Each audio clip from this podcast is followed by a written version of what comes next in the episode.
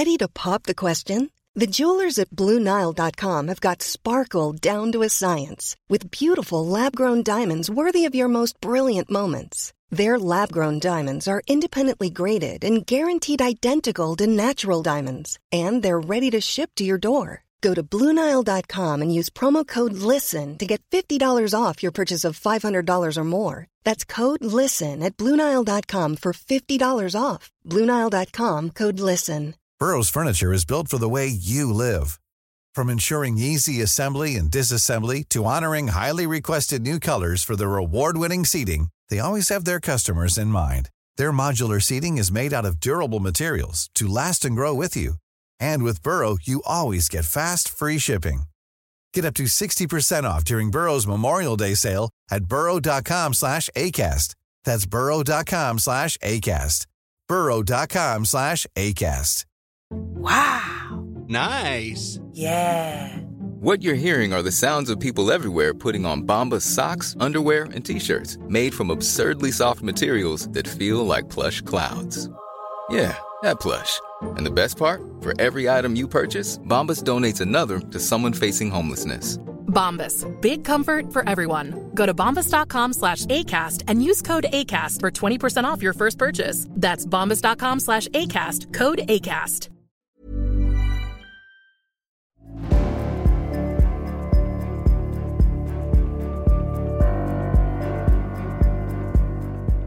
Karin Bångman är journalist som i och med att hon träffade Bert-Ola flyttade från det civiliserade norra Skåne till Kaxås mitt i Sverige. Nu engagerar hon sig i ett lokalt inflyttningsprojekt. Hon kommer bli känd på pulsen av skärgårdsbönderna Anna och Johan Pensar som vi har träffat innan. Allt kommer ske med bostad av mig, Per-Ola Olsson, även känd som Sveriges snyggaste bonde, vars enda uppgift är att se till så att det inte blir tyst. Med det lämnar jag som sagt med varm hand över till Anna och Johan. Hej, tack Per-Ola och glädjande att se dig Karin och välkommen till podden Samtal. Eh, vi går väl direkt på sak. Berätta lite. Ni driver idag projekt Kaxås som eh, är i Jämtland. Man pratar om Åre, Östersund och Lilla Kaxås. Som är en avfolkningsbygd som ni har befolkat med barnfamiljer. Eh, kan inte du berätta lite om dig själv Karin och var, var kom den här idén ifrån? Ja, först så tack så mycket för att jag fick vara med och tack Per-Ola för presentationen. Jag gjorde ett litet mellanspel i Stockholm och det var så jag träffade min jämtska, jämtländska man. Så eh, flyttade vi eh, för ett antal år sedan från Stockholm till Kaxås. Och sen så den här byn som vi bor i som heter Kaxås, den är ju då mm, ganska liten. Det var ungefär 100 personer här. Och vi hade en liten fin skola som fungerade väldigt bra. Och så kom kommunen på efter att ha gjort en eh, större konsultrapport att de skulle ta och lägga ner den för man ska ha stora skolenheter. Och eh, under de åren som vi har bott här så har skolantalet, elevantalet varit mellan då 30 och 56 elever och när de kom på att de skulle lägga ner den så var det 33 elever. Och då fick vi eh, draghjälp utav ehm, eh, IT-entreprenören Dan Olofsson som har sina rötter här i byn. Han tyckte att den här skolan skulle inte läggas ned. Hans eh, föräldrar hade själva gått i skolan här och byn som han är mycket i här tycker han är väldigt fin och tänkte att det här måste ju vara ett bra ställe för barnfamiljer att bo i egentligen med en väl fungerande skola, väl fungerande service. Så först så föreslog han att vi skulle sponsra en lärartjänst för vi, i och med att vi är ett litet område så hade vi inte så stora sociala problem och då var det en faktor att man skulle inte ha så många lärare, 2,8 tjänster på de här 33 barnen utan man skulle bara ha två eller 1,8. Men då hamnar man i den situationen att det handlar om mutor för kommunen. Eh, även om inte Dan har några barn på skolan här så kunde de inte ta emot att han stöttade upp med den här lärartjänsten som behövdes. Så då um, tänkte han om ett varv till och så sa han, nej men vi ska få barnfamiljer att flytta till Kaxås. Och då drog han det här draget som jag tyckte var väldigt smart, som jag inte riktigt förstod, men som jag förstått senare, att vi hade ju faktiskt en bostadsbrist här. Så han kom på att vi skulle bygga eh, hus för barnfamiljer till ett bra pris och eh, mer som ett socialt entreprenörskap som familjen Olofsson då har stöttat. Och eh, så började det 2019 på en stor sammankomst i bygdegården här. Jag tror vi var 300 personer från byarna härifrån och västerut mot fjällen som är berörda av skolnedläggningen. Och sen därifrån så har det då blivit så att vi har startat det här projektet, Projekt Kaxås och eh, har snart fyllt de här husen som vi beslutade oss för att bygga. Plus att vi har sålt alla befintliga hus och fastigheter som har varit lediga. Så vi kommer att ha en inflyttning här nu löpande på 140 personer. Wow! Mm. Uh, wow säger jag bara. Det är ju ett problem för många på Vischan och speciellt i skärgården också. Jag vet här i Norrtälje var det också en folkomröstning och det var nedläggning. Men det berodde ju oftast då på att det var en brist på elevunderlag. Uh, och liknande initiativ vet jag har förts här lokalt. Men jag tänker, eh, hur, hur hur kom ni fram till den här, för det blir ju en demografi, ni gör ju nästan kommunens jobb skulle man kunna säga. Eller har ni reflekterat något över det? Väldigt mycket. Eh, jag skulle vilja säga att ehm, egentligen kan man göra så här på många fler ställen men det kräver ju också en uppbackning ifrån offentligheten. Att de stödjer de här in, gräsrotsinitiativen. Även om vi då hade Dan som var väldigt resolut och bestämd att vi skulle göra det här och drev på det bra så kräver det ändå en förankring i bygden här och alla var överens om att vi skulle rädda skolan så vi hade ett gemensamt mål där. Mm. Men om man tänker tillbaks så hade man ju från kommunens sida eller från offentlighetens sida kunnat skapa den här utvecklingen också. Och, och drivit på det själva. Men framförallt min erfarenhet nu det är att man tänker att de kanske borde ha stöttat det mer faktiskt. Det varit mer stöttande. Mm. För det är ju ingen enkel resa. Men det är en otrolig resa. Nej men precis.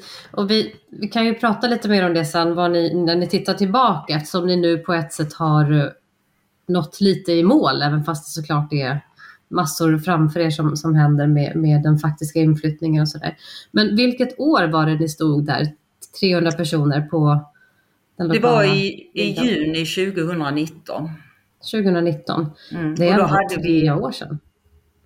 Och då hade vi, då var det ju först nummer ett, var ska man bygga någonstans? Hur ska vi få tag i mark? Här har vi då sjönära, mm. det får man ju inte bygga.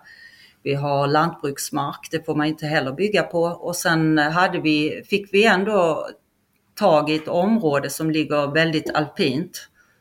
Eh, brant terräng men eh, eh, nära själva bykärnan. Och i slutändan blev det väldigt fint därför att man håller ihop.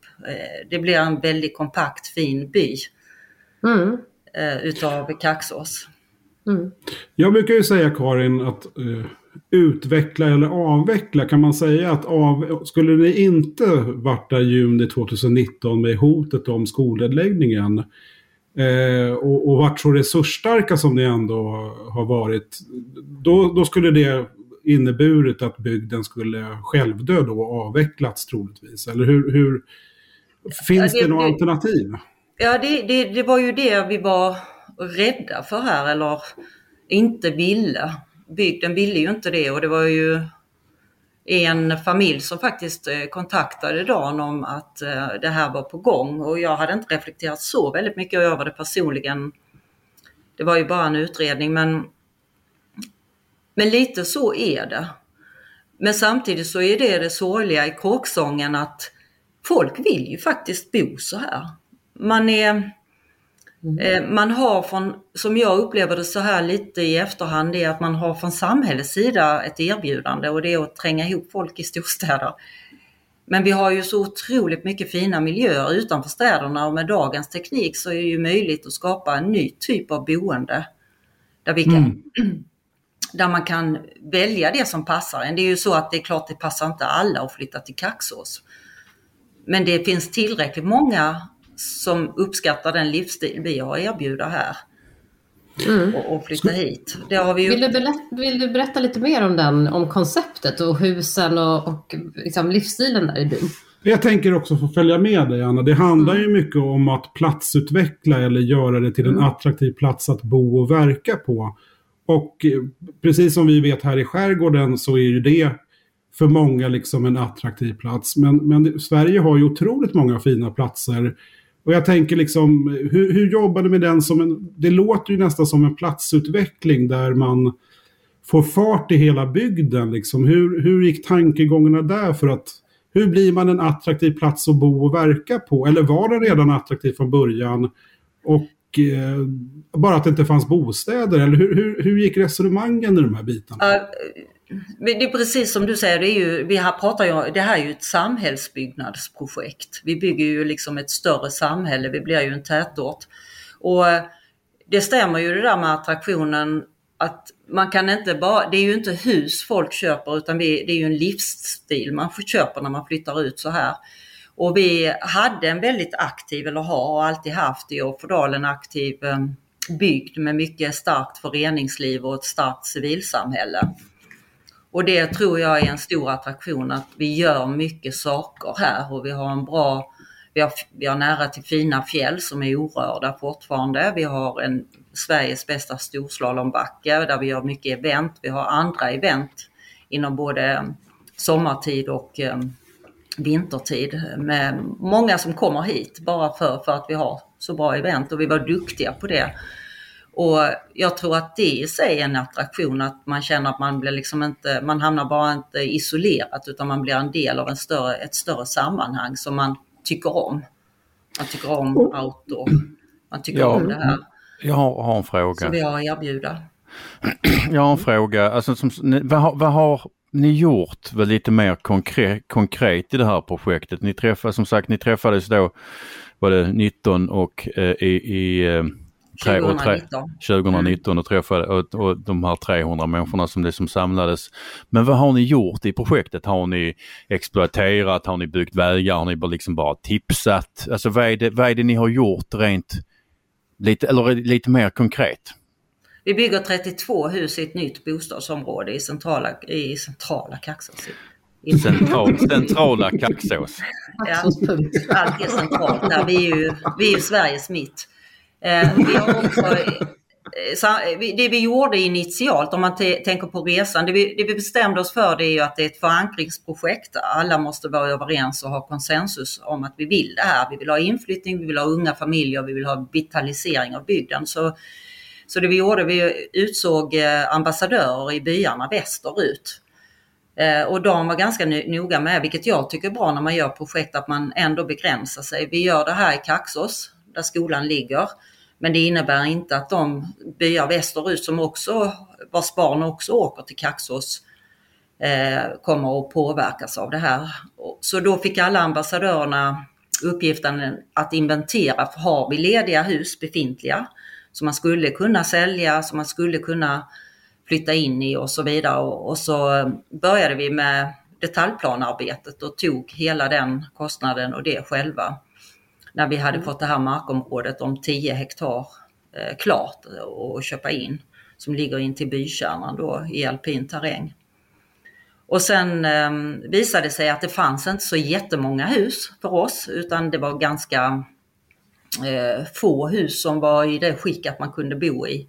Och de krävde ganska omfattande re- en renovering. Men vi har ändå, jag tror att det är runt 18 fastigheter som vi har varit med och förmedlat och som har fått en ansiktslyftning, fått inflyttning. Förutom de här 32 husen då som vi bygger. Mm. Och hur såg demografin ut tidigare i bygden då? Vad, vad, vi, vi, Mm, nu har ju SCB ganska dålig statistik. Vi hade, vi hade i hela det här området västerut mot fjällen var det 582 boende tror jag när vi började projektet.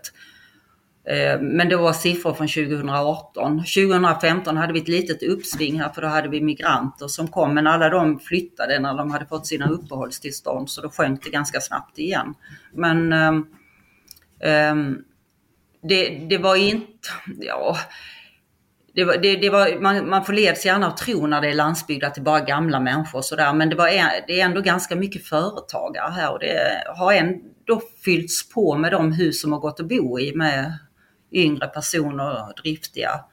Så jag, så jag tror inte vi låg så högt åldersmässigt faktiskt utan vi hade en stabil grund ändå men som sagt eh, det behövdes mer då för att vi skulle kunna mm. behålla skolan. Mm. Så ni har och... 30 hus ungefär i alpint område och sen så mm. om man följer er också på, på sociala kanaler och liksom har följt er resa, den, den som ni har kommunicerat, så ser man att ni satsar ganska mycket på stall, liksom livsstilsinslag mm. eh, i liksom själva boendekonceptet. Vill du berätta lite om det? Mm. Och det är nog rätt mycket Dans idé, han gillar grejer, att det händer aktiviteter, det ska vara kul att bo och leva. Eh, så vi har ju då som kryddat det här konceptet och den här communityn med ett utegym, en paddelbana med fantastiskt läge med utsikt över Åreskutan och Offerdalsfjällen. Jag tror det måste vara Sveriges vackraste paddelbana sommartid. Mm, och sen kommer vi ha ett skidspår där och så kommer vi att bygga vallabod med cykelavspolningar, för det är populärt att cykla och vi har rätt fina eh, gamla cykelleder. Som det gamla körvägar för häst och, och skogsbruk. Mm. Mm. Och sen har vi då eh, också ska vi bygga en bakstuga och ett eh, lokalt bryggeri. Och ett stall där man kan ha djur då. Mm. Mm, som ingår i det här. Så, så eh. det, det, är klart att det blir som en man bjuder ju på livsstilen där genom att addera Precis. de här värdena så att säga. Mm. Ja, verkligen. Det, det, känns ju jättespännande just den aspekten av projektet. Och vad vet ni om de målgrupperna då? För visst är det så att ni har eh, signat upp alla boende nästan? Ja, i princip har vi faktiskt gjort det nu. Mm. Fast det är inte riktigt bestämt de sista två tomterna. Men eh, vi, vi det var ju också sådär när, när vi kom på den, när den här idén landade att vi visste ju vilken målgruppen var. Vi ville ha mm. Unga familjer som gillade det vi har att erbjuda och där handlar det ju också om att vara ärlig. Det här är liksom, det här har vi. Vi har ju inte opera och vi har ju inte fina konserthus och vi har ju, det är mycket vi inte har men vi har ju vissa saker. Vi har spelmän, vi är väldigt duktiga på på musik här lokalt och vi har väldigt mycket idrott och vi har fisk och vi har jakt och vi har fjäll och vi har toppturer och vi har mycket runt mm. det. Eh, så då var det ju att hitta de här personerna. Vi valde att gå mycket i sociala medier. Därför vi tänkte mm. att den här målgruppen med unga familjer, det är nog där vi hittar dem. Och, ehm, och det gav oss eh, en bra utdelning. För om man tänker, jag vet ju att du Johan och, och Anna håller ju på med liknande projekt men då i närområdet till en mycket större region med jobb. Mm. Så, så, där, jag tror att skillnaden mellan oss och er är att vi var tvungna att få folk att upptäcka oss. Medan ja. ni är redan upptäckta. Och det är mer en, en formalia offentlig, att, att man liksom får hjälp och, och kommer in och kan göra det. Mm. Så kommer ni att få folk som vill bo så som ni, det, ja. ni har erbjudit. Våran, våran utmaning li, ligger precis, vi har lite andra utmaningar. nej, men, men, nej, men jag tänker också, jag tänker vi, också Karin... Vi, vi, har också till viss del de utmaningarna men kanske mm. inte i lika stor utsträckning som ni har haft. Mm. Mm. Men jag tänker också Åre och Östersund, är, blir det inte det väldigt mycket fri, fritidsboende, fjällstuga, sportlov? Eh, är det att säsongen också, jag, men, jag tänker där, vi vet hur det ser ut i skärgård, då är det kanske en bofast på 50 fritidsboende. Mm. Så där, där ser ju den intressekonflikten ut. Och vi, det är ju mm. inte heller, det finns ju samma kris exempelvis i skolnedläggningar och liknande. Även då i, i Stockholms glesbygd, hur märkligt det än må låta. Eh, men det har ju att göra mycket med att många vill bo i, i eh, städerna och urbaniseringen och hela den biten. Men vi märker ju också ett himla tryck att kunna bo i den här typen av miljöer. Men då måste det också fungera. Och här blir det svårare på något sätt i en eh, alltså stadsnära landsbygd att mm. kunna driva de här frågorna. Medan för eran del är ju det, det, fin det finns ju inget alternativ menar jag. Det vill säga sådana här initiativ kommer inte komma tillbaka. Eh, är man inte på bollen när det väl händer så kommer ju bygden dö ut. Och det förstår man väl allvaret i Norrlands inland. Kan jag tänka mig för att göra en egen reflektion över den biten. Ja, till viss Men... del, både och. Mm. Både och, till viss del. Förändring är ju alltid något som skapar oro och faktiskt också som man har märkt hos politiker till förvånad. Jag blir förvånad över att, att de inte ser hur mycket de vinner på det här. För det är en förändring och det kommer säkert nytt folk och nya idéer. Ja, men det här har ju varit en väldigt liten miljö under väldigt lång tid. Mm. Um, men visst, vi, vi har ju också, jag, jag, jag, får ofta den frågan, skulle man kunna göra det här på fler ställen? Och det är jag mm. helt övertygad om. Men det finns två nyckelfaktorer i det och där har ju ni mm. Ett bra läge i skärgårdsöarna runt Stockholm. Och det är att, att det måste finnas en närhet till en fungerande arbetsmarknad. Mm. Trots allt. Eh, mm. Vi har ju närheten då till Åre och vi har när, lika långt till Östersund. Vi li, ligger liksom mitt emellan med mer upp mot fjällen. Ehm, det, det är pendlingsavstånd. Man kan, man kan mm. jobba i de här två hubbarna som är rätt så stora. Sen mm. eh, och, och, och, det finns fler sådana områden i Sverige där man skulle kunna göra det här på eh, liknande om man vill, om viljan finns. Mm. Och, vad, och vad var den andra den andra knäckfrågan, det var den ena. Ja, den ena, det, det, var ju då arbetstillfällena och sen eh, den andra knäckfrågan det är ju då att få med sig eh, politikerna på den här mm. resan. Mm. Det. När det mm. inte är ett initiativ som kommer från offentligheten som vi är vana vid när det gäller bostadsbyggande i Sverige. Mm. mm. Man har en mm. väldigt vana vid att det är vi som bestämmer hur folk ska bo. Men nu kom det ju liksom lite från, det blev en sidekick där. Det kommer från ett annat håll. Ja, men vi vill att de ska upptäcka vår, vårt område. Och det är ju en knäckfråga då. Man känner till Åre, man känner till Östersund, men man känner inte till Kaxås, Almåsa så mycket. Jo, mm. de som har tävlat mycket i slalom och sådär eh, har, har ju varit här men Just det. Eh, så det handlar ju om att få folk att upptäcka att, att det här är ett ganska bra läge. Mm. Mm. Och, och, jag tänker här med eh, ekonomi och liknande. Jag menar, eh, i storstäderna är det ju liksom eh, priserna rusar. Eh, får, man, får man ihop till en, en, en etta är man som en vinnare och, och man kan liksom ska, skaffa barn och, och, få ihop en ett och en halva och, och få plats i rätt skola och sådana här saker. Det, det är ju väldigt höga priser, i alla fall i, i Stockholm kan jag säga. Och, och i skärgården så rusar ju priserna också för att det är så mycket fritidshus och liknande. Hur, hur har den biten fungerat för er del? Jag tänker också ur ett socialt perspektiv när man, när man driver det här inte bara för kanske vinst och marginaler utan det finns en, en annan andemening i det. Mm. Hur, hur, har den biten sett ut och investeringsviljan, de som köper de här bostäderna, hur, hur har ni resonerat och tänkt där? Eh, vi har ju varit väldigt noga med att inte det här ska bli fritidshus. För vi såg ju under pandemin att Åre fick brottas ganska hårt ändå med att många utav de som bor i Stockholm bosatte sig i Åre. Men då betalar mm. ju inte skatten. Mm. Utan, men det belastar ju ändå systemet rätt hårt med allting med mer påverkan på avlopp och, mm. och, och alltihopa. Men, men de har ju satsat mer på fritidsboende. Men nu är Åre också ändå rätt så mycket inflyttning av barnfamiljer och det har fått ringa på vattnet till områden som Undersåker och, och så. Eh, men, men, eh, vi bestämde oss tidigt att det ska vara permanenta familjer. Alltså mm. familjer som vill bo här och leva mm. livet fullt ut här uppe hos oss. Men hur, hur um, som Johan påpekar så är, är det ju väldigt dyrt för i Stockholm bland annat. Mm. Och, det är lika dyrt att bygga ett hus här som det är att bygga det i Stockholm. Eh, Exakt. Alltså trävaror och allting är ju samma pris. Precis. Mm. Um, så alltså själva byggandet är precis lika dyrt och men, samtidigt som uh, som du själv påpekar, Åre var ju, blev lite mer uh, uh, fritidshus eller uh, Uh, rimligtvis även framförallt i spåren av pandemin. Men hur, hur styr man marknaden så att man liksom får de här man vill ha? Så att eh, framförallt hur får man de här människorna att faktiskt kunna konkurrera med ska vi kalla det låtsaspengar ifrån Stockholm? Mm. För att det är...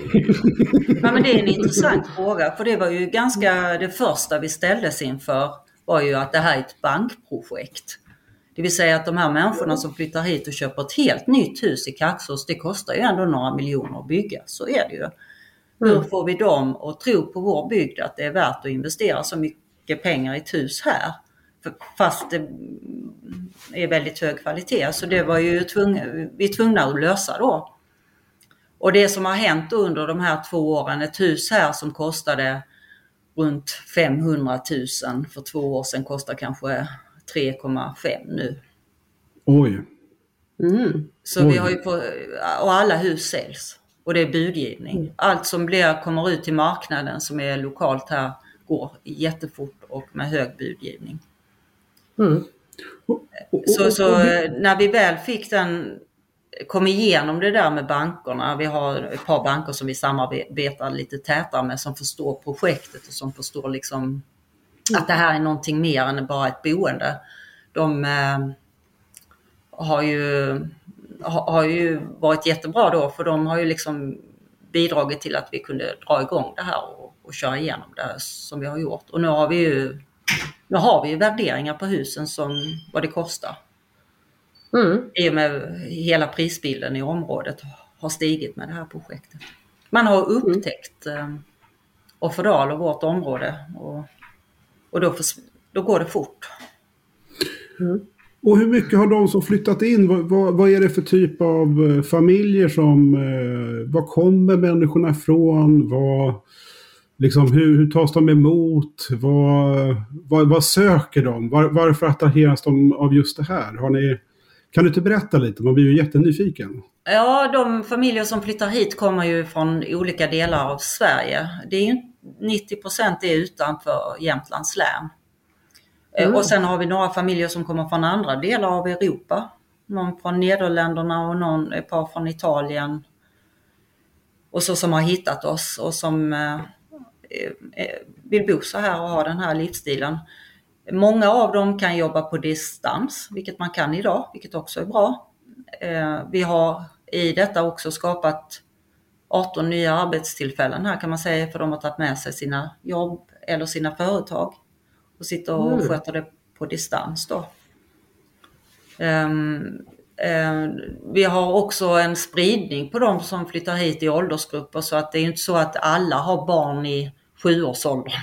Utan vi har en del som inte har barn ännu, som kanske får eller inte, det vet vi inte. En del har barn som är lite större och går i skolan, andra har på dagis och så vidare. Men just nu så är i alla fall dagiset fullt här och det är 24 barn. Kan, kan man säga att ni redan nu har räddat skolan, Karin? Det tror vi ju absolut att vi har gjort, för nu har vi ju liksom säkrat upp här för 15 år framåt utifrån mm. utvecklingen. Så vi har ju uppnått vårt mål. Vi har absolut räddat skolan. Vi kommer ha mellan 50 och 60 barn där under lång tid framåt. Ja, jag och Anna har ju fått höra väldigt mycket att alltså om man har då normen och attityden att på, i städerna investerar vi och på vischan ger man bidrag. Det vill säga allting ses som olönsamt. Så fort det hamnar utanför tätorten så så ja, då är det mer i form hur mycket bidrag man ska ha och man, man är liksom lite av en sämre människa. Men om man tittar på det här, jag tycker inte att det är fult att tjäna pengar och hoppas att många fler gör det. Eh, när jag tittar på det här kanske då med andra ögon finansiellt så ser jag också affärsmöjligheter med de här bitarna. Har det blivit olönsamt eller har ni, har ni lyckats få lönsamhet i projektet? För det blir ju ändå jag menar, alla har ju inte möjligheten liksom att, att, donera eller liknande eller göra det med bara ideellt syfte. Utan det handlar ju både om kärleken till bygden men också att kunna få, få någon form av lönsamhet så att man inte går lottlös ur den biten. Hur, hur har det resonemanget sett ut? Ja, Bert-Ola kanske skulle svara på det med projektekonomin. Jag är inte lika inspelad på det men eh, han som är ansvarig då för det här. Mm. Eh, men vi har ju fått göra allt från grunden. Vi har fått bygga vägar, mm. vatten och avlopp, IP, svår terräng. jag vet faktiskt inte hur siffrorna ser ut men jag tror nog att det kanske har kostat lite mer än vad, vad vi kommer att få ut. Men i, långsiktigt så tror jag att det här kommer att vara ett uppsving för hela bygden och det har det varit för befintliga hus, absolut. Ungefär så. Och, och, och, Men det finns ju olika business case tänker jag. Det finns ju ett business case som gäller för kommunen.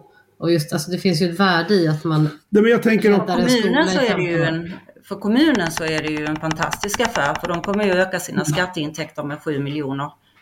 Mm. Om man räknar på ett snitt ungefär per år. Just och det det, löper ju på Mm. efter inflyttningen. Så, Mm. så, så, så, så för, för liksom kommunen har det ju här varit ett väldigt uppsving. Och vi stod ju faktiskt för 20 procent av inflyttningen i hela Krokoms kommun redan 2020. Mm. Och Wow. då hade det bara börjat trilla in folk här. Mm. Mm. Mm. så, så man kan säga... vi nu är den kommun som växer mest i, i Jämtland beror ju på projekt Kaxås. Vi växer ju mer än Åre och vi växer mer än Härjedalen och Östersund. Visade Mm. de senaste siffrorna som kom nu då. Och det beror ju på, på vårt projekt. Och det här är ju många kommuner som skriver i sina handlingsplaner och mycket ordsallad och liknande. Men de lyckas ju väldigt sällan göra det.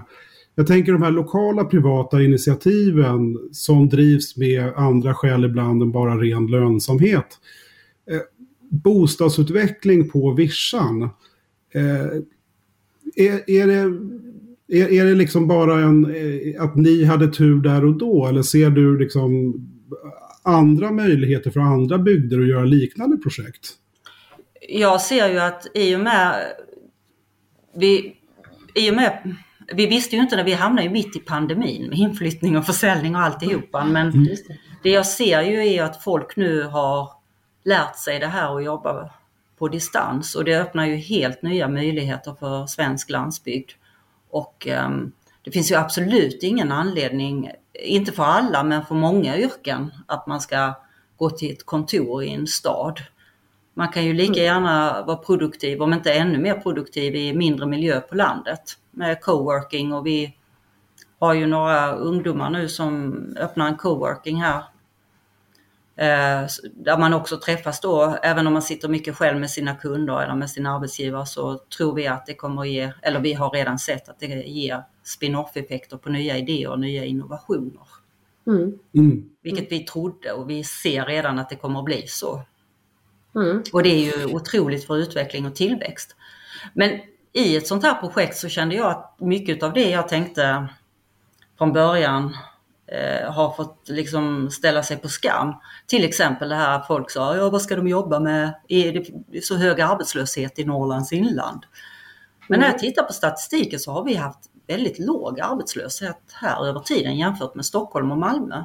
Vi låg på 3,6 procent och i Stockholm var de på 7,5 då när vi startade och i Malmö var de på 14,5 procents arbetslöshet. Mm. Eh, Så det är det är många fördomar i synen på det som ligger utanför städerna. Det stämmer inte. Precis, och äldre, precis. Gamla upp, missuppfattningar om sådant som faktiskt inte Ja, missuppfattningar och liksom gamla fördomar som inte längre gäller. Som man Mm. ser. Och Mm. alla de som har flyttat hit, de som inte har haft med sig egna jobb, har ju fått jobb här. Bra jobb. Mm. Så det, det har inte Mm. varit ett problem med jobben heller. Och hur har det blivit befintliga boende och liknande i, eh, i Kaxås? Vad, vad tycker de om det här? Har det blivit som planerat eller hade de massa rädslor och oro i samband med den biten? Eller hur, hur, har det blivit i lokalsamhället? Jag tycker att vi har haft en väldigt bra stämning här eh, med stor förankring från början och en väldigt stor vilja. Vi hade ju ett väldigt bra utgångsläge för det var endera har vi ingen skola eller gör vi det här. Och, och alla vill ju ha sin skola eh, i bygden. Och um, sammantaget så här i efterhand så har det, tror jag, uppfattar jag att byarna runt och bygderna upplever det som ännu bättre än vad de kunde tänka sig att det blev. För alla har ju fått inflyttning på ett eller annat sätt i befintliga hus eller så. Det har Mm, blivit en väldigt... Ja men det blir nya människor som... Folk uppskattar det här. De har Mm. verkligen gjort det. Vad roligt. Ja. De har kommit in bra i vårt våra föreningar och civilsamhälle på ett Mm. väldigt positivt sätt och blivit väldigt uppskattade. Och det är precis så man vill att det skulle vara ju.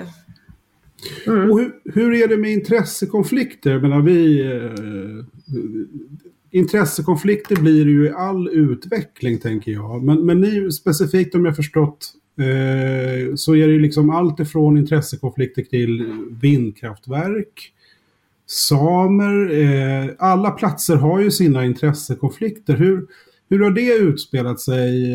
Jag tror he hela Sverige fick ju lilla Kaxås på kartan när Zlatan uttalade sig om vad han tyckte om vindkraft i, i Kaxås. Men, men det finns Ja, det- det- intressekonflikter i det här, om jag har förstått det också. Ja, Men hela den historien med vindkraften här är ju en sorglig historia för hela kommunen och bygden. För att vi drog igång det här projektet 2019 och vi hade inte en aning om att de satt och jobbade med en annan agenda. I alla fall tjänstemännen. Utan det var en kollega till mig som också är journalist som var på ett 85-årskalas i en grannby som hon har knappt svälja tårtan hon fick höra att en stockholmare hade skrivit på kontrakt för vindkraft här med ett Vattenfalls kontrakt. Eh, och innan vi fick liksom kontroll på det och vad som pågick, vi hade inte en aning. Samtidigt har kommunen då, har vi lagt massor av pengar på att göra en detaljplan och, och, och kanske det värsta av allt var att vi har sålt in vår livsstil med den här vackra miljön till massa människor. Och så helt plötsligt så, så får man reda på någonting att vi kommer att hamna mitt i en industri, alltså Sveriges största vindkraftsindustri ever med 300 meter höga vindkraftverk precis där vi ska bo. Det var ju som man bara ville stoppa ner huvudet i sanden som kommunikatör. Mm. Att hantera den frågan där och då när detta kom in till oss, vår kännedom, vilket jag tycker kommunen borde informerat oss om innan vi drog igång det. Hade vi kanske gjort eh, ett annat val men då satt vi där med massa människor som hade gjort sitt livs största beslut. Och eh, vi hade en kommun som hade gjort någonting som skulle kanske fördärva deras hela eh, uppfattning om vad de ville leva för liv. Och sen har vi ju jobbat aktivt med den frågan. Ehm, och på det sättet är jag väldigt tacksam att jag bor i Offerdal. För Offerdal var en egen kommun en gång i tiden, väldigt självständig. Eh, väldigt, ehm, en av Sveriges rikaste kommuner på sin tid, innan vi blev en stor kommun. Eh, väldigt självständiga människor, eh, väldigt driftiga människor och vi fick en väldigt snabb uppslutning om att det här var inte det vi ville här lokalt. Absolut inte. För nu har vi hittat en annan väg att skapa tillväxt som är betydligt bättre för kommunen, för Offerdal och för regionen. För vi har ju också skapat en massa nya arbetstillfällen till regionen. Och att då slå sönder det med att kanske få hit en vindkraftspark som inte levererar några jobb, inga inflyttare, inga skattebetalare, där elen går utomlands till industrier i andra länder, där kanske Vattenfall säljer, vilket de har gjort uppe i, Nor- i Västerbotten, till danskar och, och vi såg liksom att den är ju klockren. Att det här, det vi håller på med är ändå mycket, mycket, mycket bättre för människor, för djur, natur och så vidare. Mm.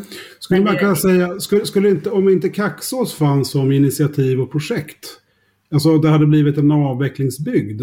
Hade, hade, man brukar prata om landsbygden som skräpytor. Eh, brukar jag referera till att det är väl synen på, från stadsmänniskorna är väl att det här är ju skräpytor. Hade det inte funnits en livlig bygd, hade det blivit då utbyggnad av vindkraftverk och liknande som hade blivit den naturliga följdeffekten? Eller hur, hur, hur, hur vad tror alltså, du? alltså någonstans så tror jag och min uppfattning, jag är ju inte härifrån vilket hörs på min dialekt, jag är från Skåne. Men min stridsvilja är god för den goda saken och det har jag verkligen eh, lagt in min själ i det här. Så tror jag ändå att folk här är ganska trötta på att vara en råvarukoloni åt, åt storstäderna. De har gjort det, vi har ju, vi var ju ändå, vi, vi levererar me- mest el i, Krokoms kommun ifrån våra vattenkraftverk här i Offerdalsfjällen. Så att Eh, det finns ju en stark opinion ibland befintlig befolkning också, det ska man komma ihåg och den fanns redan innan. Eh, hur, hur som så, ehm, så tror jag att den opinionen är så stark så jag tror inte man kommer igenom i Offerdal. Jag tror inte man gör det, för det kommer att bli civil olydnad på sista raden. För folk är skogstokiga för det här. Va? För nu, vi kommer att göra en otroligt fin bygd för människor att bo i som värnar natur och hållbarhet, där vi lever väldigt ekologiskt och miljömässigt korrekt. Att då fördärva det med industriell vindkraft och, slå, och ödelägga det, det finns, det finns liksom mm. inte på vår karta här. Och vi är Vad är det för tidsram på den, på den processen? Då? Var står ni idag? Var, var, idag var står vi därhän att alla, alla partier utom Socialdemokraterna och Centern eh, har sagt nej mm. till vindkraft faktiskt i kommunen tror jag nästan. Mm. Eh, vi har ett väldigt gott samarbete med Njarke som är vår sameby. Mm. Eh, och det är klart att även våra, vår sameby som är väldigt viktig och som vi uppskattar enormt här lokalt med den leverans de gör på, på sina hållbara produkter. Eh, så, tänk, så är det klart att de, det kommer hit människor men, men de, de har inget emot det. Men mm. däremot så skulle en industriell vindkraftspark här slå sönder deras sista möjligheter att existera överhuvudtaget. Det skulle bli deras död. Och det har de varit väldigt tydliga med. Och vi samarbetar bra och vi jobbar med frågan tillsammans. Mm. Men ja, det, är det liksom en fråga som kommer pågå nu i, flera år eller, eller är det, närmar man sig något slags liksom beslut att, och få veta vart, vart att det kommer gå? Det är svårt att säga. Nu ska ju kommunen göra en ny vinbruksplan. Men det gjorde de ju 2010 och även då sa ju Njarke sameby nej till det här. Att vitmarkera mm. det här fjällområdet som är deras sista vinterbetesland. Eh, majoriteten av folket här lokalt sa nej. Vi var väl 700 som svarade på samrådsprocessen som sa nej och plus byn då, Njarke, som är berörd. Men det brydde sig inte Centern och Socialdemokraterna om. De, de körde över samrådsprocessen och sa att den var ändå bara rådgivande och därför sitter vi där vi sitter. Det är ett vitmarkerat område som är eh, existentiellt för vår, vår, vår rennäring lokalt. Mm. Mm. Jag förstår det. Och, och de har eh, inte gått ut och sagt att vad de står i frågan och fram till de inte gör det så kommer vi att se dem som att de är för vindkraft där. Mm. Mm. Jag tänker ju också Karin, både folkomröstningar om skolnedläggningar, folkomröstningar om vindkraftutbyggnad.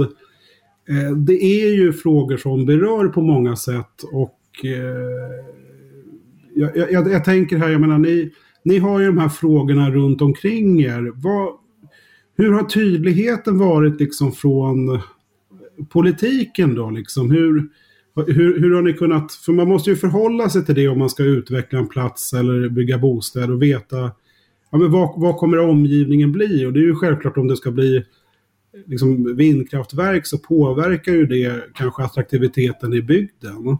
Eh, eller om skolan inte finns kvar, nej men då kommer ju barnfamiljerna inte flytta dit. Och, och, det påminner mycket av de frågeställningar som finns här i Stockholms skärgård i Norrtälje med folkomröstningar. Och just de här samråd och dialogmötena. Men man kör liksom ändå igenom de här planerna för det är ju den här synen på det som är utanför tätorten är lite, det ska bara skeppa in det till stan. Om det då inte är massa fritidsboende för då får man inte bygga vindkraftverk för då förstör man ju utsikten. Men, men, det är ju väldigt mycket känslor och liknande och det här är ju högaktuella frågor i hela Sverige vågar jag påstå. Hur, hur, jag, skulle vilja säga, jag skulle vilja säga att just frågan om vindkraft har ju blivit en internationellt tema nu med eftersom mm. Tyskland valde att lägga ner sin baskraft för att göra sig beroende mm. av Putins gas. Mm. Eh, och bygga vindkraft istället. Och väderberoende vindkraft kan man ju inte ha i ett land för man måste ju ha, ha el även eh, de 70 procenten av tiden då inte vindkraften fungerar.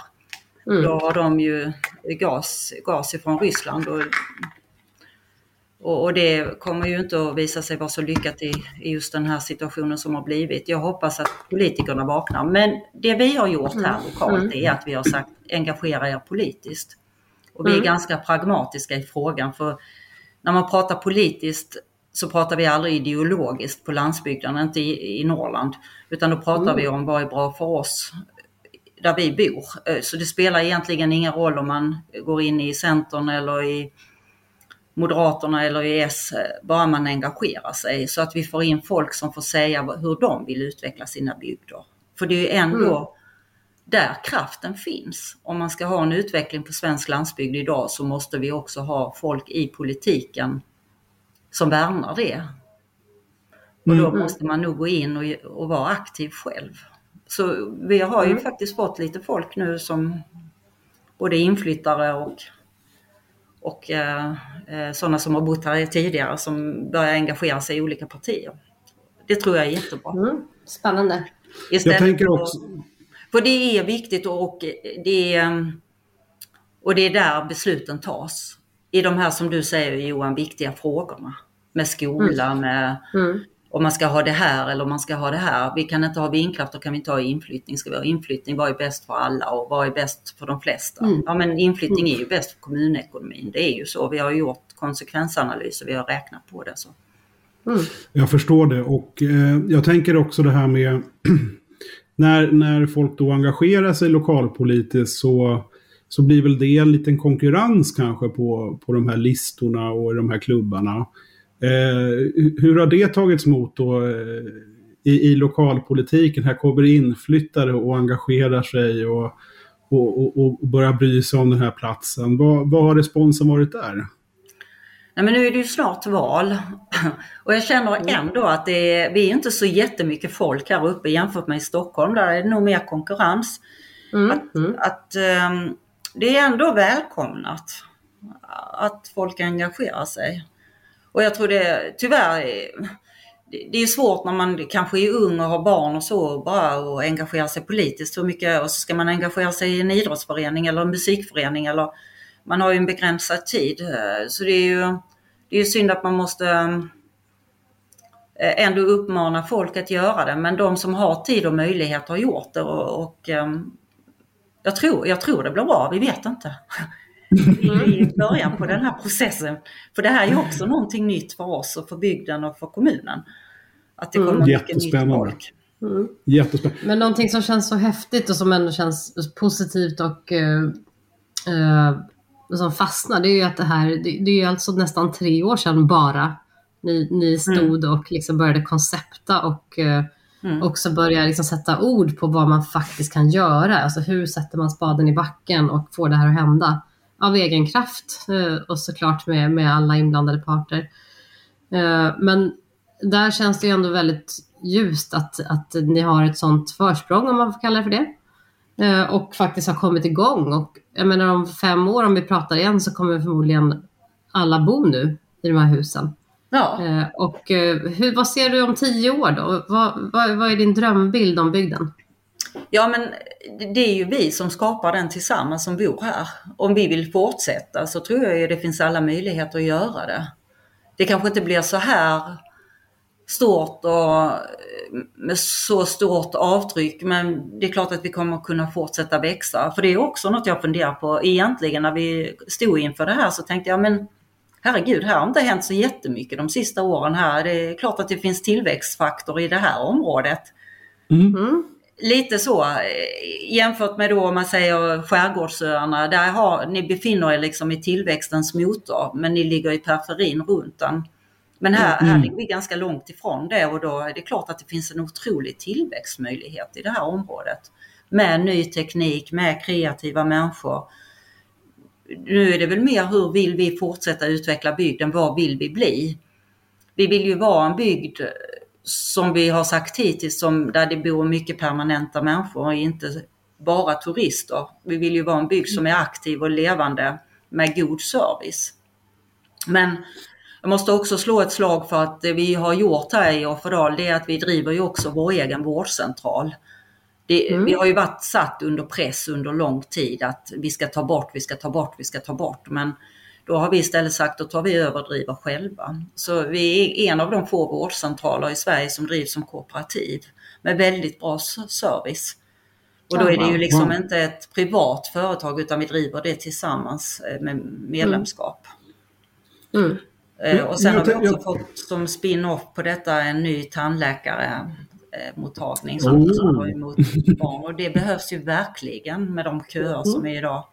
Så det har också etablerat sig här eh, som följd av projekt Kaxås. Så servicen har vuxit i takt med att vi har blivit fler och det har också varit väldigt positivt att se. Mm. Mm. Så med, med bostadsbyggande, med samhällsbyggnation så kommer utveckling, samhällsservice och den biten. Fler jag. Jag ja, men jag mm. tänker också, hade det här varit möjligt, här, det är väl ingen kommun, kommuntjänsteman eller liknande. De skriver ju väldigt ofta det här, men jag tänker det här entreprenörskapet och det drivet ni haft i det här.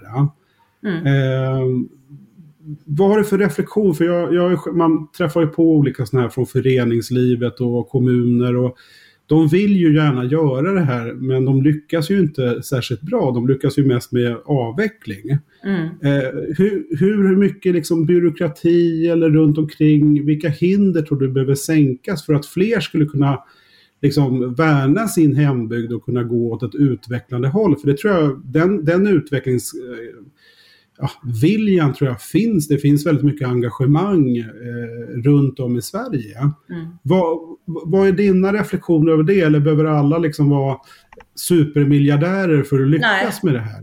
Nej, det skulle ju vara tråkigt om det var så. Nej, men min uppmaning är till politiker att där det finns gräsrotsinitiativ, där det finns en drivkraft, se till att göra det förenkla.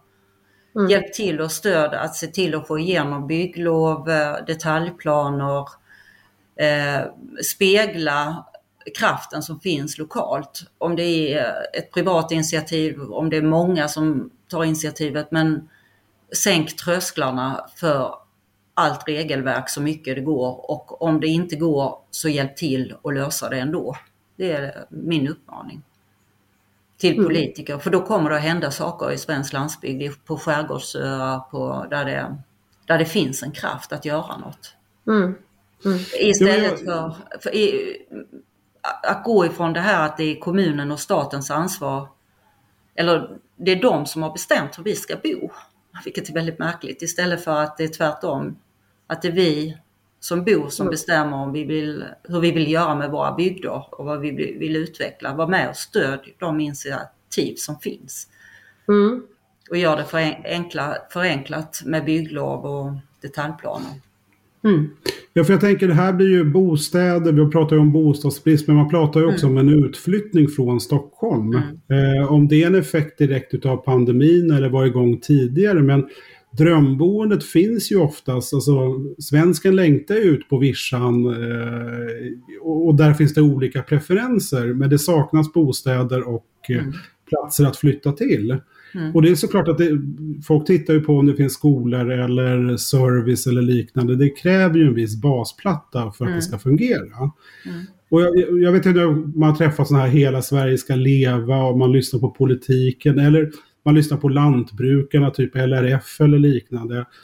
Det blir ju väldigt konstigt om man ser det här ut bara ett snävt stuprör som att det handlar om eh, ja, hur ska lantbruket, men lantbruket kräver ju också en fungerande samhällsservice och det runt omkring. Deras barn måste ju också gå i skola. Hur, hur tror du man kan ta tillvara på engagemanget och sänka trösklarna? Vad, vad, vad är nyckeln för att få den här förändringen som jag tror Uppenbarligen så vill ju många det här men ändå är det så svårt att få det att ske. Men ni är ju ett lysande exempel på mm att ändå lyckas driva det här i mål på bara några år, vilket är otroligt skickligt. Otroligt eh, fantastiskt, för skulle kommunen eh, ta en detaljplan så skulle det ta mycket, mycket, mycket, mycket längre tid. Vi pratar om flera, mm. flera, flera, flera år. Men mm. jag tänker att eh, det, det, man måste göra är att flytta ut makten till folket. Mm. Mm. Det måste vara bygderna som bestämmer, det måste vara enskilda initiativ och drivkrafter som finns som man tar fasta på. Och man måste mm. släppa det här att man ska, att man ska vara, ha, ha någon sorts ansvar för att det är jag, kommuner eller städer bestämmer hur folk ska bo. Låt folket bestämma var de vill bo så, så blir det bra och gör det enkelt att skapa nya boenden utifrån vad folk vill. Mm. Om man vill bo i skärgården eller på landet. Mm.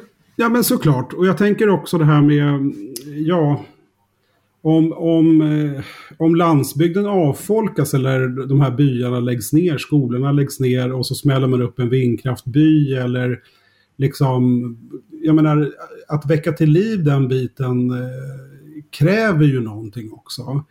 Och eh, det, det är ju frågan liksom hur landsbygden ska se ut, eller landsbygderna och skärgården. Och det, det, det, finns väl olika viljor där med städerna vill att det ska se ut på ett sätt och, och de som bor på Vischa. Men är det en konflikt så pass hårt mellan de här stadsborna och de som är boende på Vischan? Eller kommer Nej, vi se tror... en annan utveckling? Jag tänker så här att förr för var ju landsbygden man hade sin gård och man producerade sin mat och man levde på det och så blev man många barn och man var tvungen att putta ut dem och så kunde man kanske skapa någon gård till. Man levde liksom på jorden på ett annat sätt. Och, mm. och sen var det för mycket folk på landet och då flyttade de till städerna när industrierna kom och sen, sen blev man fast i den lösningen. Men idag, med den teknik vi har, så kan vi ju liksom sitta var som helst och vara uppkopplade och göra affärer med hela världen. Det, mm. det, det, det, jag ser ju fortfarande på kommunens planer här att de tror att allt som ska byggas ska hända ut med E14, alltså vägen mellan Östersund och Åre. Men där har ju mm. inte hänt någonting. Det har hänt saker i Åre, det har hänt saker i Östersund, men däremellan händer det ingenting. Det är fel vägar vi pratar om. Nu pratar vi om internet, vi pratar om andra vägar. Och då kan mm. man sitta var som helst. Man kan sitta på en fjälltopp bara man har bra teknik och uppkoppling. Och man kan göra innovationer och man kan, man kan skapa eh, produktivitet på ett helt annat sätt. Såklart inte alla kan det. Men en stor grupp av människor, den, den tjänstesektor som växer, kan ju faktiskt det. Och, och mm. där tror jag vi kommer att se, vi är bara i början på utflyttningen. Mm. Varför? Mm. Sen är det så att somliga uppskattar, liksom, tycker det är jättekul att bo i städer, men andra vill ju ha de vill kunna ta och spänna på sig skidorna och dra några åk på lunchen i Almåsabacken eller åka lite längd eller, mm. eller göra någon utomhusaktivitet på lunchen. Och då är det ju perfekt att sitta mitt i där det finns tillgänglighet till mm. det. Jag tror det vi har upplevt mycket under pandemin också är att man vill ju liksom ha sitt basecamp på ett ställe som, som ja, i min värld då, som där vi bor eller som till exempel Kaxås. Eh, och sen så vill man ju ha friheten av att också kunna ta del av en annan värld. Till exempel större städer, andra länder och så vidare. Och den friheten kommer ju verkligen när arbetets format förändras. Mm. För att Absolut. Liksom, och sen, det äldre formatet med 9 till 5 på en och samma plats som är så otroligt liksom, inflexibel på många sätt. Mm. Och man slipper resorna. Omkullkastas. Ja, mm. precis. Bara mm. det sparar ju massa tid som gör en ja. mycket mer produktiv. Mm. Eh, att man, man kan starta upp sitt jobb liksom i princip när man kliver upp på sängen om man vill det då. Eh, och så mm. kan man använda den tid man får sen till resor och så.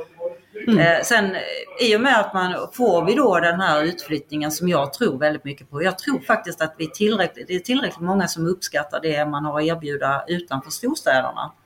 Då mm. kommer vi också få en service eh, parallellt mm. vilket gör att även de som jobbar inom det där man måste vara fysiskt närvarande kommer ju att få mer arbetsmöjligheter i, i landsbygd, eh, lärare och omsorg. Ja, precis. Det blir tillväxt. Win, win, och det har vi sett här redan, att eh, så blir det ju. Mm. Mm.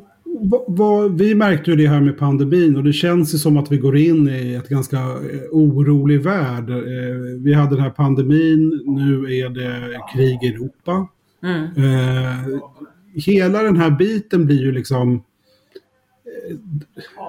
vi märker det i alla fall, att det finns liksom Kommer, kommer världen gå tillbaka och alla ska flytta tillbaka till städerna? Eller ser vi liksom att det här börjar levla ut och balansera upp? Eh, vad, vad, vad, är din framtidsspekulation? Liksom? Vad, vad kommer allt det här innebära här när vi liksom rör oss framåt nu de närmaste åren?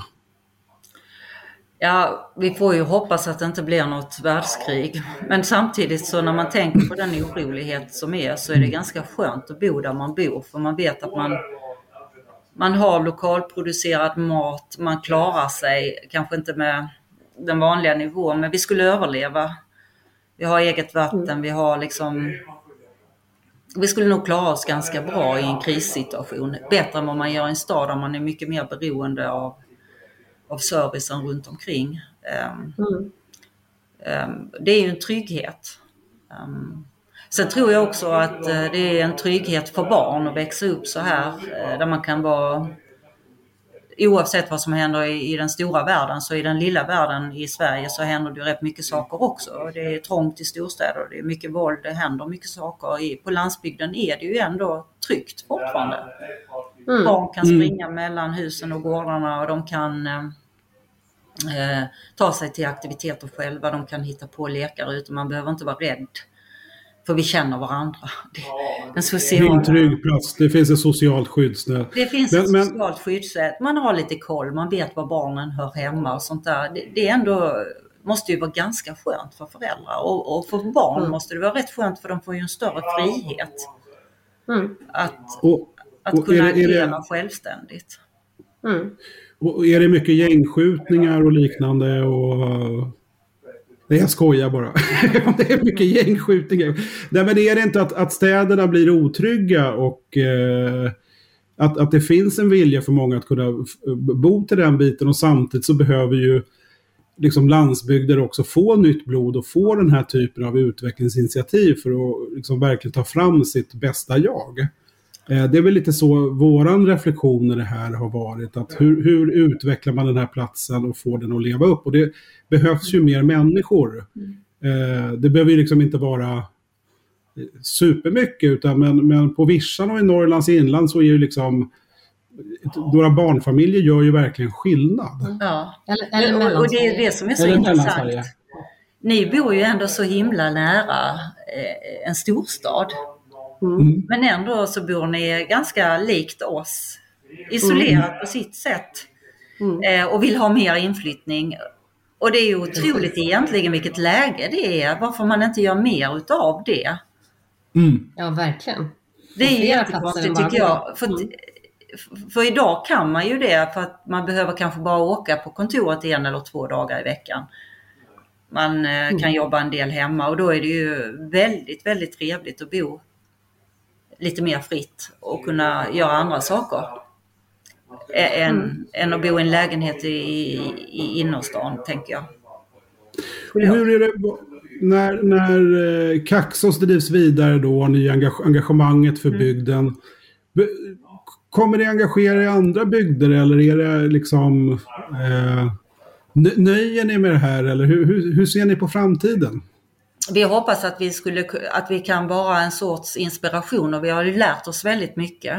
Att kunna paketera det och ehm, hjälpa andra bygder där det finns potential att göra en liknande resa. Ehm, men kanske ehm, på ett litet annat sätt. Men det är fullt möjligt. Och om vi skulle kunna bidra där så vore det väldigt, väldigt kul. Och vi, vi gör ju det nu ändå lite grann i kommunen. Titta på om det finns andra ställen som skulle kunna göra, vända på kuttingen och få lite inflyttning så man kan behålla sina skolor och så. Det skulle mm. vara väldigt kul om vi kunde vara en inspirationskälla för det och bidra där. Mm. Så det tror jag. Mm. Och sen, men, men som sagt, när det gäller Offerdal så är det ju jättebra att vi har ett sånt aktivt civilsamhälle och det hade vi redan innan. Vi är väldigt duktiga på att göra event väldigt, väldigt duktiga. Vi hade Europacupen mm. här i slalom till exempel i veckan. Och det är ju liksom världsklass på det. Och det ser ju folk. Eh, så vi, eh, och sånt där tycker folk är kul. Det är ju inte så att man sätter sig på i Kaxos och det inte händer något. Det händer jättemycket roliga saker runt omkring mm. med outdoor-grejer som vi gör. Och det, det tror jag är viktigt om man ska ha en levande bygd att där är det nog viktigt att börja också för andra som ska ha inflyttning. Att man har ett bra civilsamhälle och bra föreningsliv där det händer saker, man gör kul grejer tillsammans. Mm. mm. Det var vår mm. styrka och det är det fortfarande. Mm. mm. mm. Häftigt. Nu låter det som Bert-Ola är tillbaka från Vallaboden. Ja.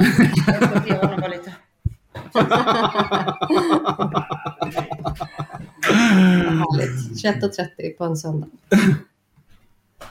Han kastar sig in på telefonen här. Jag hoppar in igen. Han, mm. um, han är, har varit i Vallaboden. Ja, det är ju Vasaloppshelg här. Precis. Så vi... Mm. Ja, men det, Karin, jag måste säga, eh, jag tycker Bert-Ola och, och, du Karin och engagemanget från familjen Olofsson, fantastiskt initiativ som mm. eh, förhoppningsvis fler kan lära sig av och inspireras utav. Och eh, jag och Anna har ju lovat att besöka Kaxås också, så vi, vi kommer att komma när det, det är vill vi ju jättegärna. Och, Ja. och vi följer ju ert eh, skärgårdsprojekt. Och vi tänker så här att, att det måste ju bli en verklighet utav det. Det är klart att det ska bli det. Det är och- klart att det ska bli, för på något sätt så, så är det samma sak som vi upplever men ändå inte. Ni, ni har ju ändå en marknad för det här. Jag vet ju att folk skulle flytta till er om möjligheten, och om, om kommunen såg till att det fanns en infrastruktur för att göra det och, och Nycklarna. initiativen. Mm, Då skulle precis. det ju... Och blir vilken, av det, ja. vilken grej för kommunen att stoltsera Mm. med. För det kan jag ju Ja. önska att kommunerna förstår att det här är ju Mm. något man ska vara stolt och glad över.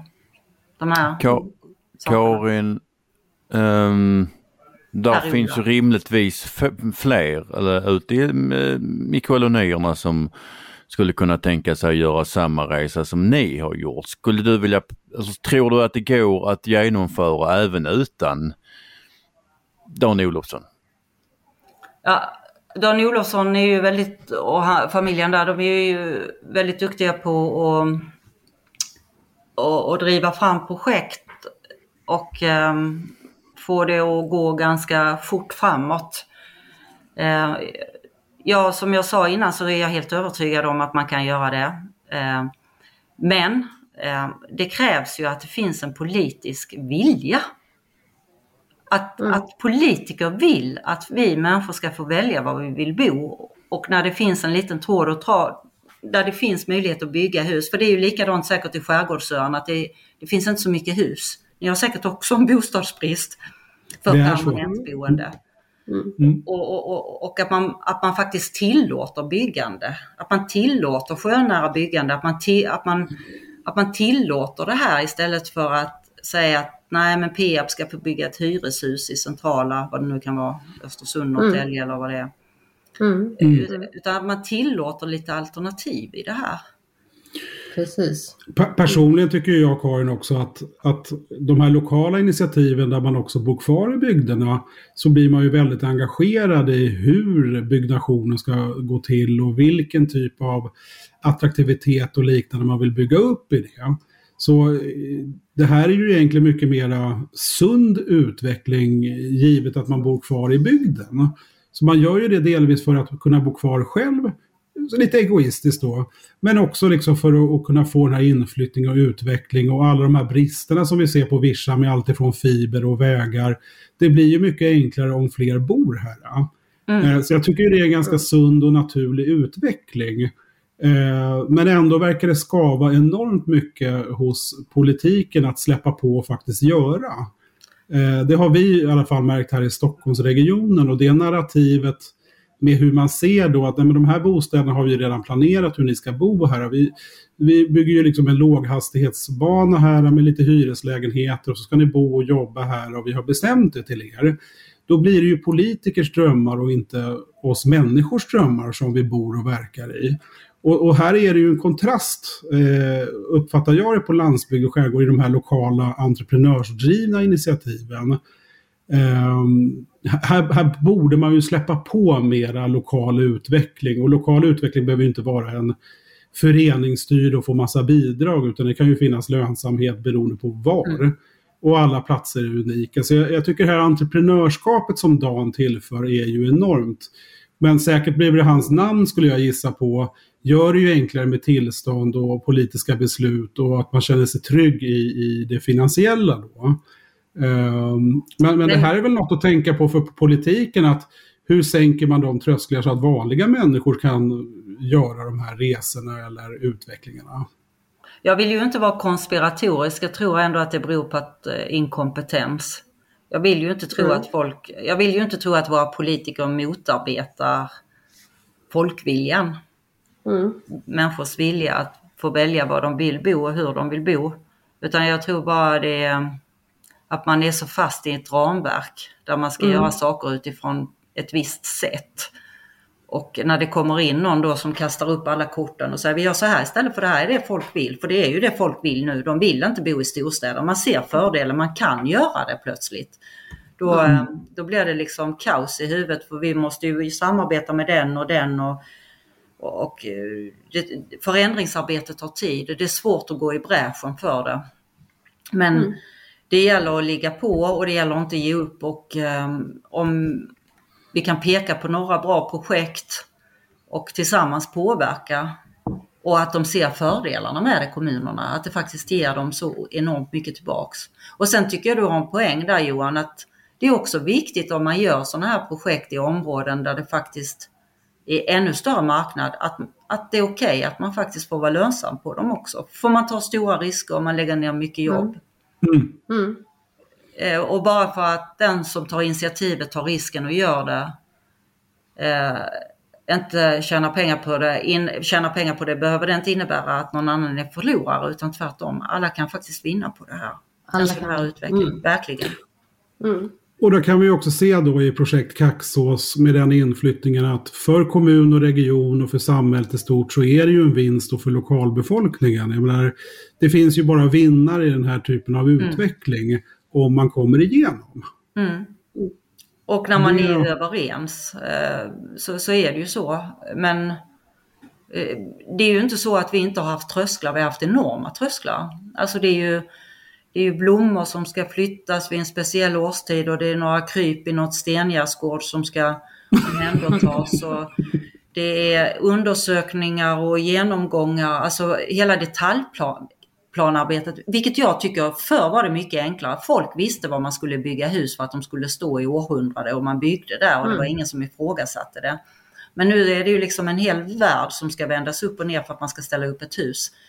Mm. Där tycker jag att man ska förenkla och jag vet inte varför man gör saker mer komplicerade än de behöver vara. Men det kanske är vår tids anda för det ska sysselsätta konsulter och, och mm. myndigheter mm. in absurdum. Ja, snart får vi också räkna fåglarna här i skogen. Eh, det måste ju Innan vi tar ner eh, träd. Exakt. Ja men det blir, det blir liksom... Det blir ju absurt. Det är för många människor som inte sitter och jobbar produktivt som kommer på massa idéer som är helt befängda. Förenkla, mm. förenkla, förenkla och lita på folk. Så... Mm. Ja, och titta på hur bra det kan bli. Och titta på eh, bra exempel och följa. Ja. Mm. Och det är ju verkligen det Karin och eh, Bert-Ola och hela projekt Kaxås och alla runt omkring det. Det är ju ett superfint exempel på hur utveckling faktiskt kan gå till. Och när man faktiskt gör det och hur fort det kan gå och vilka effekterna blir. Ja. Här finns det ju mycket att lära vågar jag påstå. Eh, nästan som man vill ge en liten applåd till er som har mm. drivit igenom det här. Ja. Eh, tycker, tycker jag då som, som gammal betongråtta som eh, har också upptäckt det här med vischan och friheten och allt man kan göra och hur kul det kan bli. Eh, så det, det, ska ni verkligen ha eloge för. Ja, men, men framförallt så vill jag skicka med alla att det går att göra. Mm. Eh, eh, det är bara det att våra politiker är inte vana vid att vi lever i en ny värld. Eh, där man där faktiskt man gör saker. Behöver, där man inte behöver stämpla in och stämpla ut på ett kontor. Utan man kan mm. bo var man vill och, och åstadkomma storverk och vara produktiv. Mm. Men vad är de... landsbygden en glans. De främst, alltså, de, alltså topp tre tips att tänka på för alla de som vill, vill göra någonting. Oavsett om de vill bygga hus eller om de bara vill, låt säga, exploatera några tomter. Vad är, alltså, vad ska jag säga, vad är, vad är viktigast att tänka på? Dos and don'ts, välj, välj fritt.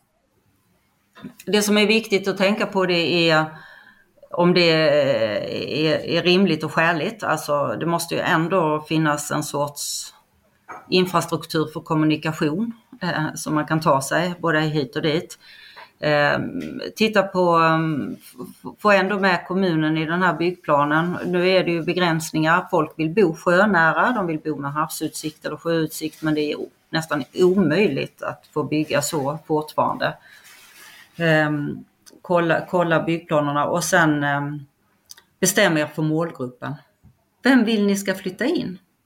Mm. Är det unga barnfamiljer, var hittar jag dem? Mm. Är det äldre, var hittar jag dem? Mm. Och sök, söka målgrupp. Och så begränsa.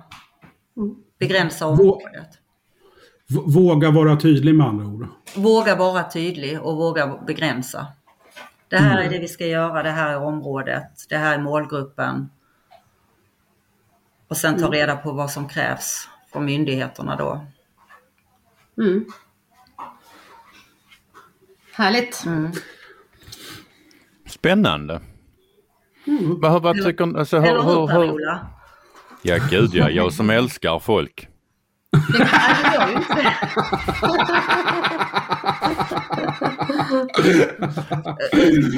Hur långt tar du till grannen i Simrishamn? Går du? Eh, 150 meter. Ja.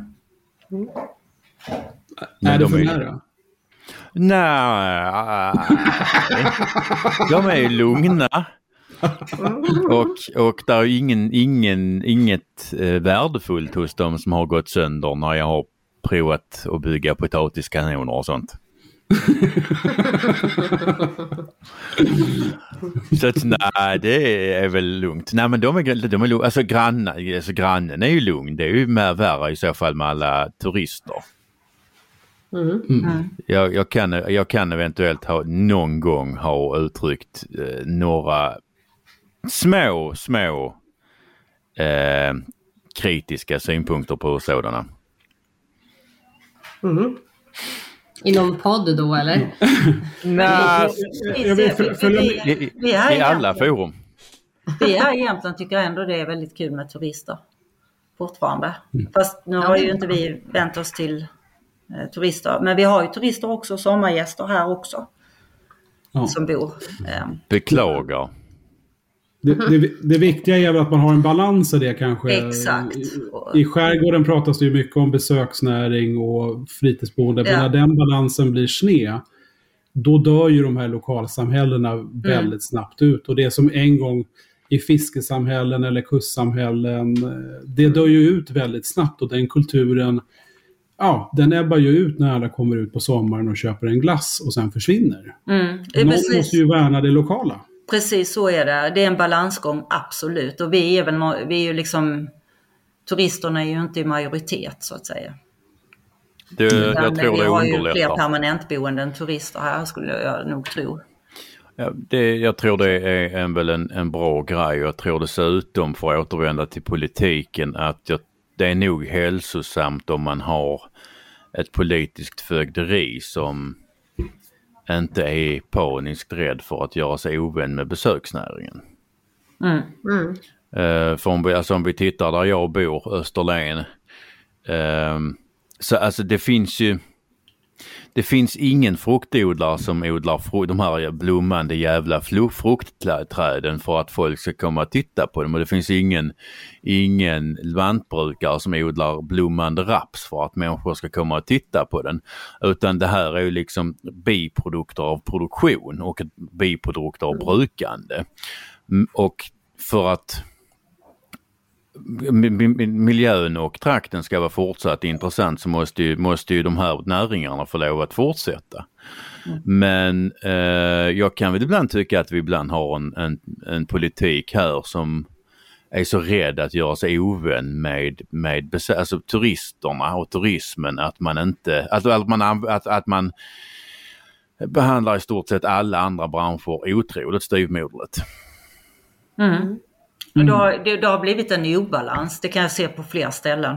Ja gud ja, visst, visst är det så. Ja, och där det har blivit liksom den bärande näringen med turismen, då är det jättesvårt att göra sig ovän med dem. Att det är så viktigt. Nu är det ju inte så här. Just det. eh, så att, ehm, Men det, det, det är olika viljor och det finns många olika intressen kan man konstatera. Ja. Och det är väl sånt man dyker på då. Allt ifrån kommunikation och tillgänglighet eller besöksnäring eller motstridiga intressen eller vindsnurr eller vad det än är. mm, Men, men det har man ju i storstäderna och det finns ju på vischan också. mm. Men man kan säga en sak att permanentboende skattebetalare är jättebra för en kommun. Punkt. Punkt. Punkt. Precis. Mm. Och det andra det är eh, lite extra. Mm. Det håller igång lite företag och det är så. Men att folk bor, verkar, engagerar sig i civilsamhället och betalar sin skatt, det är jättebra för kommuner. Mm. Det skapar både utveckling och man underhåller grejer och sådär. vi kör ju alla, till exempel föreningen här, Offerdals SK kör ju alla skidspåren här, eh, för kommunen gör ju Mm. inte det. Och till och med till skolorna med pistar och kört skidspår. Tänk om vi inte hade haft permanentboenden som gjorde det och var engagerade i föreningen, då hade de inte haft skidspår här till turisterna. Precis. så det Precis är ju, eh, ja, man ska inte underskatta eh, de som bor permanent och, och gör ideella insatser. Det, det gynnar även turistföretag och besökare. Mm. Ja, jag tror att det hade, alltså man har, vad ska jag säga, det här engagemanget att, att eh, vad ska vi, ja, i det här fallet eh, pista skidspåren till människor man känner och till sin egen närhet. Det, det är betydligt mycket enklare att göra det än att, än att eh, låt säga betala skatt för att kommunen ska göra det. Mm. Ja, det är mer effektivt också. Det är mer Enormt mycket, mer, enormt mycket mer effektivt och känns enormt mycket bättre i magen och är dessutom enormt mycket snabbare. Mm. Så är det ju. Men, men Så enormt mycket bättre. Hör, hörde jag, hörde jag att- Ja visst, visst blir det bra. Men vad säger, vad säger eh, ni Johan och Anna eh, när ni har lyssnat på, på Karin nu? Um, känner, alltså vad ska jag säga, känner som sagt nu har ni ju vissa problem med ert projekt som inte som de inte har i, i Kaxås. Men alltså vad ska jag säga, finns det, finns gemensamma beröringspunkter? Känner ni igen er? Mm. Vi känner igen oss, eh, vi, vi känner oss igen oss i det här enormt mycket. Jag kommer ihåg när jag läste om projektet, då, då tog jag upp luren och ringde Karin på direkten för jag var så inspirerad. Och insåg att det här är ju det här är möjligheten för landsbygder och skärgårdar och samma problematik och möjlighet eh, känner vi väl igen. Och det här med byråkratin och den politiska viljan och de här olika intressena. Vi, vi har väldigt många beröringspunkter i det här. Och det visar ju också hur bra det här kan bli om man vågar släppa på utveckling och faktiskt göra någonting. Mm. Det är, rätt, Det det är rätt bisarrt. Det är rätt bisarrt att det egentligen inte är människorna som stoppar det utan det är politikerna. Mm. Och Ja, det- offentligheten. Som, är, som, är, som är tröskeln. Alltså, om man säger så här, ja men vi kan fixa hit folk och vi kan få fixa hus och få dem och, och det finns tillräckligt många som vill flytta hit. Ja men då blir det en jättetröskel med att ta sig igenom byråkrati och, och hela offentligheten. Jag menar, så mycket liv i luckan blir det ju inte om man bygger 40 radhus i Täby eller liknande. Nej. Eller man smäller upp 200 lägenheter på Södermalm. Det, det hör man ju nästan ingenting av. Och Nej. där är det ju för att kommunen gör mycket av det här jobbet. Men så fort någonting ska göras på vischan. Jag menar, vi pratar ju om ganska små projekt, men som har en jättestor impact. Jag menar i Kaxås i Jämtland, Norrland, alltså Krokom kommun. Det är ju ni som har bidragit till mest befolkning. Vi ser ju samma problematik här i Stockholms skärgård där vi är, jag tror det är drygt tusen bofasta. Vi utgör väl eh, alltså typ 13 procent av den bofasta befolkningen på den här ön. Så det är ju enormt små siffror vi har. Och det, det leder ju oftast till de här gnällsituationerna som jag kallar det. Med, åh nu ska vi stänga skolan och nu drog man in det här och nu drog man in det. Och så blir det ju när ingen bor och verkar där. Ja. Mm. Men istället då för att politiken ska sitta och, visa sig duktiga med att liksom avveckla hela vischan. Så, så skulle man ju kunna släppa på den här typen av utveckling och tillåta investeringar och vara med på den resan så att man får en samhällsutveckling. Och, och jag tror den problematiken finns runt om i Sverige och det finns en enorm möjlighet med de här bitarna. Och, och sen kommer ju det såklart variera med prisläge eller attraktivitet och, och, och liknande. Och kanske lokalt engagemang. Men när det finns där så borde man ju kliva på och bara göra tummen upp och hurra, vi får inflyttning, här är någon som vill satsa. Mm. Eller tänk tvärtom, tänk om du skulle säga så här, nej men vi ska bara bygga i Stockholms skärgård nu. Under de närmaste tre åren. Nu ska vi bara se till att det blir inflyttning där. Ja, vi, ska inte ha fler i... vi ska inte ha fler innanför tullarna utan vi ska bara ha i ytterområdena i, och då i de här skärgårdsområdena som, där det behövs befolkas för att behålla service. Man skulle ju lika gärna kunna tänka så. Det ska Ja. vara prioriterat. Mm. Ja, men det blir, då, då, Då förstår man ju hur bisarrt det blir. Ja, men då blir det de här planmonopolen och andra ska bestämma över din, hur, hur du ska bo och verka. Man kan ju inte exkludera platser utan måste ju inkludera hela Sverige. Mm. Men det blir ju lika bisarrt som att säga nu, nu har vi bestämt här 2037 ska så här många bo här och vi ska ha så här många lägenheter och nu har vi bestämt det och all, all annan utveckling finns inte. Då blir det ju här planekonomiska. Precis, Eh, exakt. Så är och det det ju. blir ju väldigt konstigt. Det blir ju jättekonstigt. Ja, och så blir det helt fel för det blir inte det som är framtiden när det kommer nya grejer och teknik. Som vi sa, allt händer inte ut med E14 längre. Det händer Nej. på internet. Men så blir det ju oftast med planmonopol. Vi, vi, Ja. vi har beslutat att nu ska alla äta sådana här nötter. Eh, och så kommer någon på någon annan nöt som alla vill ha. Och så vill ingen ha de där andra nötterna. Så jag menar, det här med marknadsekonomi är ju en bra sak. Mm. Men jag tänker så här, det här var första samtalet som, som vi haft med dig Karin. Mm. Och det har varit jätteintressant att få ha det I, här podd, I samtalet. poddformat. I haft många poddformat. innan. Och, och första gången som podden Samtal får lyssna på mig och Anna och Per-Ola har vi hört tidigare men, men för vår del har det varit nytt. Och eh, hoppas att alla lyssnare kan få med sig inspel, inspiration och lite perspektiv på hur det ser ut på vischan. Olika frågeställningar, allt ifrån samer till vindsnurrebyar till hur man får en samhällsutveckling även utanför tätort. Som kanske ser lite annorlunda ut. Så eh, jag är jättenöjd och stort tack Karin, jätteinspirerande och tack för att du tog dig tid. Tack för att jag fick vara med och som sagt välkomna till Kaxås, Jämtland. När ni har vägarna Tack, vi förbi. kommer. Alla Vi lyssnar kommer. också, det är bara att höra av sig. Per-Ola, vi tar med oss Per-Ola. Vi tar med oss. Per-Ola. Eh, Jag kommer.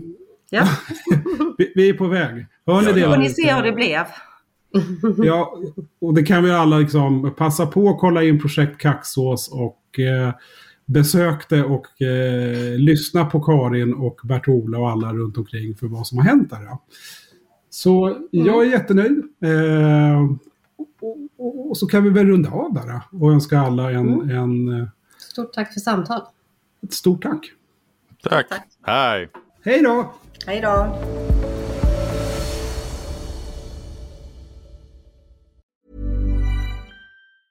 Even when we're on a budget, we still deserve nice things. Quince is a place to scoop up stunning high-end goods for 50 to 80% less than similar brands. They have buttery soft cashmere sweaters starting at $50, luxurious Italian leather bags, and so much more. Plus, Quince only works with factories that use safe, ethical, and responsible manufacturing. Get the high-end goods you'll love without the high price tag with Quince. Go to quince.com slash style for free shipping and 365-day returns.